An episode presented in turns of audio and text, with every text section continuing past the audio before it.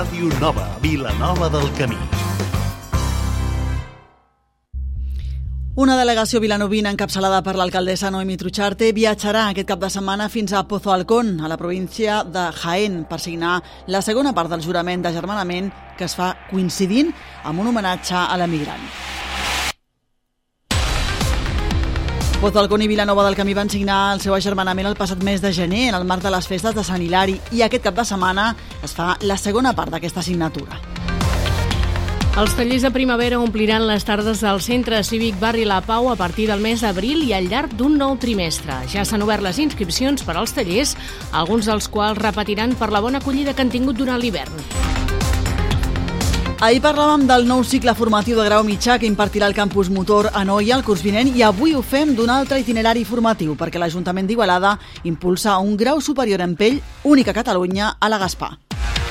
I avui ens avancem a l'agenda del cap de setmana. La música de Mozart i l'humor de Fel Feixedes i Carles Xuriguera reprenen a partir de demà divendres la temporada estable del Teatre Municipal Ateneu. Parlarem també de la cursa popular que convida a la participació familiar amb un premi especial a base de calçots i botifarra. La cita, recordem, és el dia 12 de març i les inscripcions es poden fer fins al dia 9 de març. I també parlem de la cursa que es prepara una altra que es tanca amb èxit. Avui fem crònica també de la segona edició de la Transconca, que ha sumat la participació solidària de 732 persones.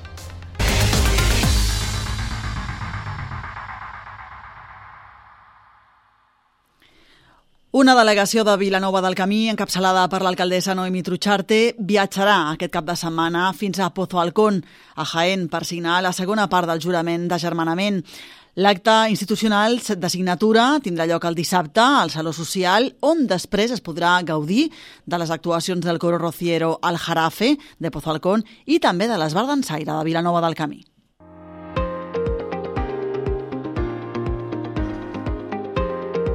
Pozo Alcón i Vilanova del Camí van signar el seu agermanament el, el passat mes de gener en el marc de les festes de Sant Hilari i aquest cap de setmana es farà la segona signatura a la ciutat pozenya. La regidora d'agermanament, Susana Gutiérrez, assegura que els dos pobles estan molt il·lusionats amb aquesta iniciativa. Per Vilanova del Camí aquest és el seu tercer agermanament, però per Pozo Alcón és el primer. Susana Gutiérrez destaca la feina i l'esforç que han destinat tant les comissions com les mateixes corporacions perquè tots els actes del cap de setmana surtin rodons. Cal dir que hem treballat moltíssim amb la delegació de Pozo Alcón i que estan molt il·lusionats perquè és el primer cop que reben eh, un agermanament a les seves poblacions. Nosaltres estem acostumats, eh, 30 anys, 31 aquest any amb Calcinaya i 20 amb Amilí, 21 amb Amilí, però ells estan super il·lusionats i han treballat moltíssim per fer, eh, per fer-nos aquesta rebuda.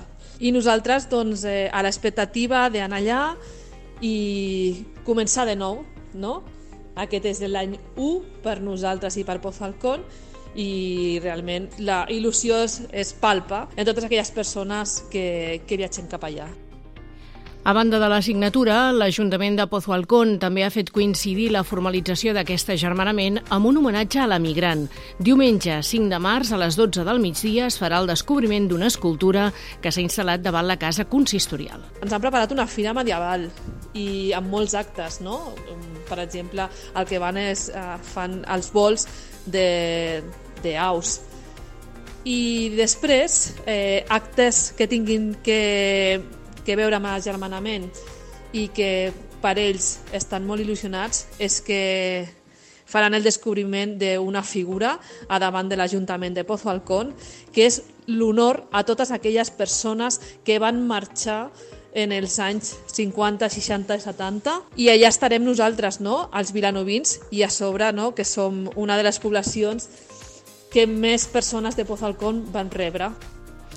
Els actes continuaran amb l'actuació del coro de l'Associació de la Gent Gran de San Gregorio, la banda de música Societat Filarmònica de Pozo Alcón i l'Associació de Jotes Serranes, també del municipi. La signatura de l'agermanament tindrà lloc en el marc del Mercat Medieval que rememorarà temps antics a l'Avinguda Nostra Senyora dels Dolors. La mostra s'inaugurarà divendres amb una exhibició d'aus rapinyeires i l'actuació del mag López, un pintacares per als infants i un espectacle de foc.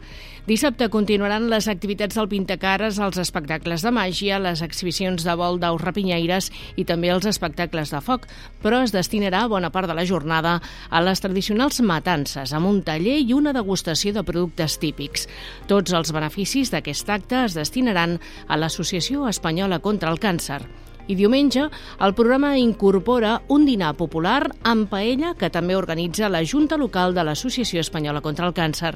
La delegació vilanovina tornarà a Vilanova del Camí diumenge al vespre.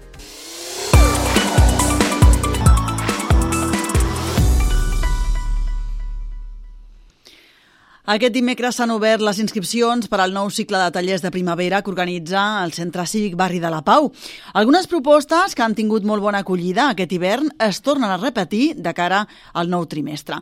És el cas del patronatge i la costura, tant per a adults com per a infants. També repeteix el taller de batxata i s'estrenen noves propostes relacionades amb la salut i el benestar. El preu de tots els tallers és de 36 euros per tot el trimestre. Repassem, si et sembla, Marissa, aquestes propostes una per una. Doncs eh, som-hi de dilluns a divendres. Els tallers de primavera ompliran les tardes del Centre Cívic Barri de la Pau amb una activitat diferent. Els dilluns, per exemple, Julia Moreno repetirà amb un taller de patronatge i costura que ha tingut molt bona acceptació. Els dels dilluns està pensat per a aquelles persones que tot just s'inicien en la pràctica de fer patrons i de cosir i es farà de dos quarts de sis fins a les set de la tarda. I d'altra banda, els dijous, també en el mateix horari, Moreno farà classes per al grup de patronatge i costura de nivell més avançat, on ja aprendran a perfeccionar i a modificar patrons. També sobre costura creativa, però en aquest cas per a infants i joves, de 8 a 16 anys es fa un taller els dimecres, en el mateix horari de dos quarts de 6 a 7 de la tarda. El curs infantil també va ser tot un èxit en el darrer trimestre. Novament, Estefania Arteaga dirigirà aquesta proposta. Segons explica, ha seleccionat diversos projectes per adquirir destresa al món de la costura i posant-hi també creativitat. I la proposta dels tallers torna a oferir novament el curs d'iniciació a la batxata a càrrec de l'Acadèmia Un Tempo, una altra de les activitats eh, atractives d'aquest programa. Les classes es faran dimecres, de 7 a 8 del vespre. Es treballaran les figures en parella, els passos lliures, la musicalitat de la batxata tradicional i també la sensualitat de la batxata més moderna. Aquests tallers de primavera al Centre Cívic Barri de la Pau també arriben amb noves propostes. D'una banda, un curs de Reiki que es farà els dimarts de dos quarts de sis a set de la tarda. Esther Garcia, de Naturteràpia, serà l'encarregada d'impartir les classes d'aquesta tècnica per canalitzar i transmetre energia vital a través de les mans. I d'altra banda, i també en relació amb el benestar i la salut, els dimecres de dos quarts de sis a les set de la tarda el programa de tallers proposa descobrir com podem disposar a casa d'una farmaciola natural. De la mà d'Inma Perales podran conèixer les herbes remeieres més comunes. Faran infusions terapèutiques, ungüents, olis de massatge, xarops, licors i altres medicines tradicionals.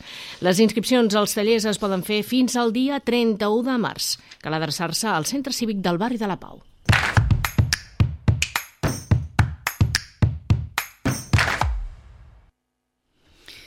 I si ahir parlàvem del nou cicle formatiu de grau mitjà que impartirà el campus Motor a Noia el curs vinent, avui ho fem d'un altre itinerari formatiu, perquè l'Ajuntament d'Igualada impulsa un grau superior en pell, únic a Catalunya, a l'Escola Municipal d'Art La Gaspar. Es tracta del grau superior de formació professional en tècniques escultòriques de la pell, una formació que donarà continuïtat al grau mitjà que actualment ja es pot cursar a la Gaspar. L'Ajuntament igualadí posarà els recursos necessaris per tirar endavant aquest nou grau superior, que tindrà 30 places i permetrà que els joves estudiants de l'Escola d'Art La Gaspar puguin fer tot l'itinerari formatiu en pell, aprenent no tan sols a tractar-la, sinó que també treballaran el disseny i la innovació. Aquest és un aspecte reclamat pel clúster de la pell per trobar professionals amb molta formació i alta formació, com explicava el seu president Xavier Badia, també per servir d'atracció per a empreses manufactureres de productes de cuir i marroquineria que poden veure en aquesta formació i coneixement experimental un motiu més per instal·lar-se a Igualada i a la comarca de la Noia. I a més a més, en la presentació d'aquest nou grau també s'ha explicat que l'Ajuntament d'Igualada ha aconseguit 200.000 euros dins els pressupostos generals de l'Estat que s'invertiran íntegrament per a reforçar el taller existent a l'escola i també per invertir en innovació pedagògica. La presentació d'aquest eh, nou grau superior en pell ha servit també per mostrar l'evolució d'aquesta escola municipal que en els últims 10 anys ha augmentat un 45% el nombre d'alumnes matriculats.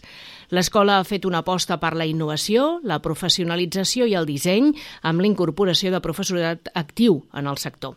I també s'ha guanyat el reconeixement amb diferents premis en projectes que s'han forjat a les aules. La formació adaptada a les necessitats professionals creixents van augmentar-se ara fa dos anys amb el grau superior en gràfica audiovisual, molt demanada, i ara també segueix ampliant-se amb aquest nou grau superior de pell.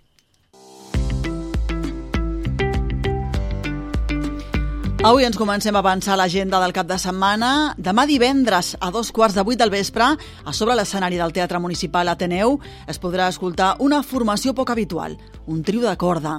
Miquel Córdoba, violí, Gabriel Coll, violí i Oleguer Aimamí, violoncel, ens oferiran l'única composició per trio de corda dins de tota l'obra de Mozart.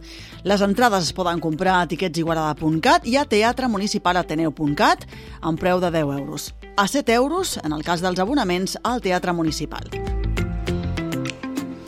I diumenge a les 6 de la tarda es podrà veure l'espectacle Ni rastre de qui vam ser, creat i interpretat pels actors i humoristes Fel Feixedes i Carla Xuriguera. Després de 10 anys del seu últim espectacle, Xuriguera i Feixedes tornen a l'escenari per recuperar la seva essència, el clown i una peculiar manera de fer i de dir. Es transformen en el Caral i l'Ostec dos treballadors d'una empresa de vigilants d'escenari que passen les hores de feina omplint la buidor d'un teatre mort.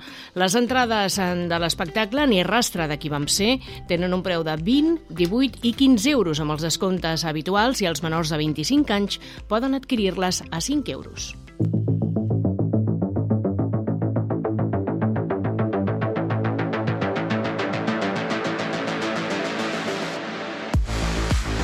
Esports Vilanova està enllestint els preparatius d'un dels esdeveniments més participats pel conjunt de la població, la cursa popular, una cita esportiva i saludable que convoca petits i grans amb propostes adaptades a diferents condicions físiques.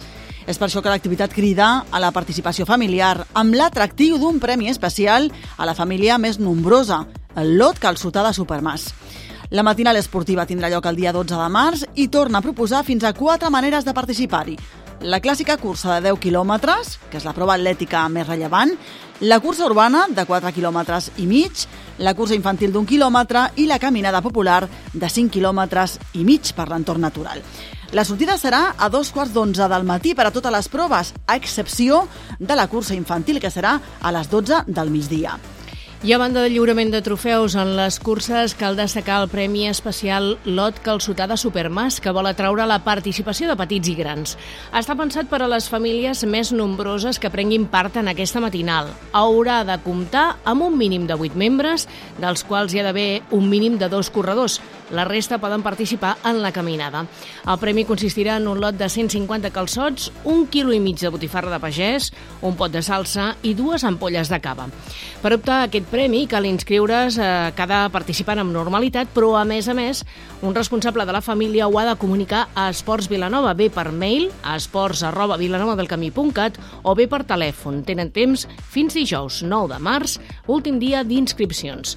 Enguany, la cursa popular arriba a la seva 27a edició i la caminada popular a la tercera. Hi haurà avituallament i obsequi a l'arribada per a tots els participants, llevat dels acompanyants de la cursa dels petits. També hi haurà l'habitual sorteig sorteig previ a l'entrega de premis. I d'una cursa que es prepara una altra que es tanca amb èxit, la Transconca 2023. La segona edició d'aquest esdeveniment esportiu i solidari ha sumat la complicitat de 732 persones. L'organització havia previst set rutes, una per cada municipi participant, i la de la ruta Hurler, que sortia de Vilanova del Camí, va ser una de les més participades, amb 176 inscripcions. Tot i que el matí de diumenge es va llevar plujós i va demorar una mica la sortida, es van aconseguir repartir els dorsals i iniciar la marxa en direcció a la Pobla de Claramunt. Va ser una passejada de gairebé 7 quilòmetres, força assequible, que va transcorrer sense incidències i en un ambient distès i festiu. El regidor d'Esports, Rafael Gavarri, va acompanyar els participants en l'arc de sortida, ubicat aquest any a la zona esportiva de Cantitó, i també van ser presents Ana Mendoza, presidenta de l'entitat MPS, i la regidora d'Esports de la Pobla de Claramunt, Berta Pons. Organitzem que aquesta prova l'organitza l'Ajuntament de la Pobla i l'Associació de Malalties Minoritàries MPS Lisosomals i amb la col·laboració dels ajuntaments de la Micot. És l'acte que ha assolit el repte que plantejava, donar visibilitat a les malalties minoritàries o rares i posicionar-les com una prioritat social i sanitària. Des de l'organització han fet arribar un agraïment a totes les persones participants, així com a les persones voluntàries, col·laboradors i sponsors per l'esforç i el treball que han dut a terme per fer possible aquesta nova edició de la Transconca. A més del traçat complet que sortia d'Igualada i acabava a la Pobla de Claramunt, s'oferien diferents itineraris i un recorregut adaptat. Cada traçat s'ha batejat amb el nom d'una malaltia minoritària diferent per aprofitar la proximitat eh, del Dia Mundial de les Malalties Minoritàries. Recordem que ser el 28 de febrer. Entre les novetats respecte de l'any anterior, en aquesta edició, en aquesta ocasió, la Transconca oferia també la participació de mascotes, com ara gossos, i comptava amb la presència del showman Pep Callau per amenitzar l'activitat. I a més, amb motiu de la celebració del seu 20è aniversari, l'associació MEPS Lisosomals va repartir xocolatines entre totes les participants.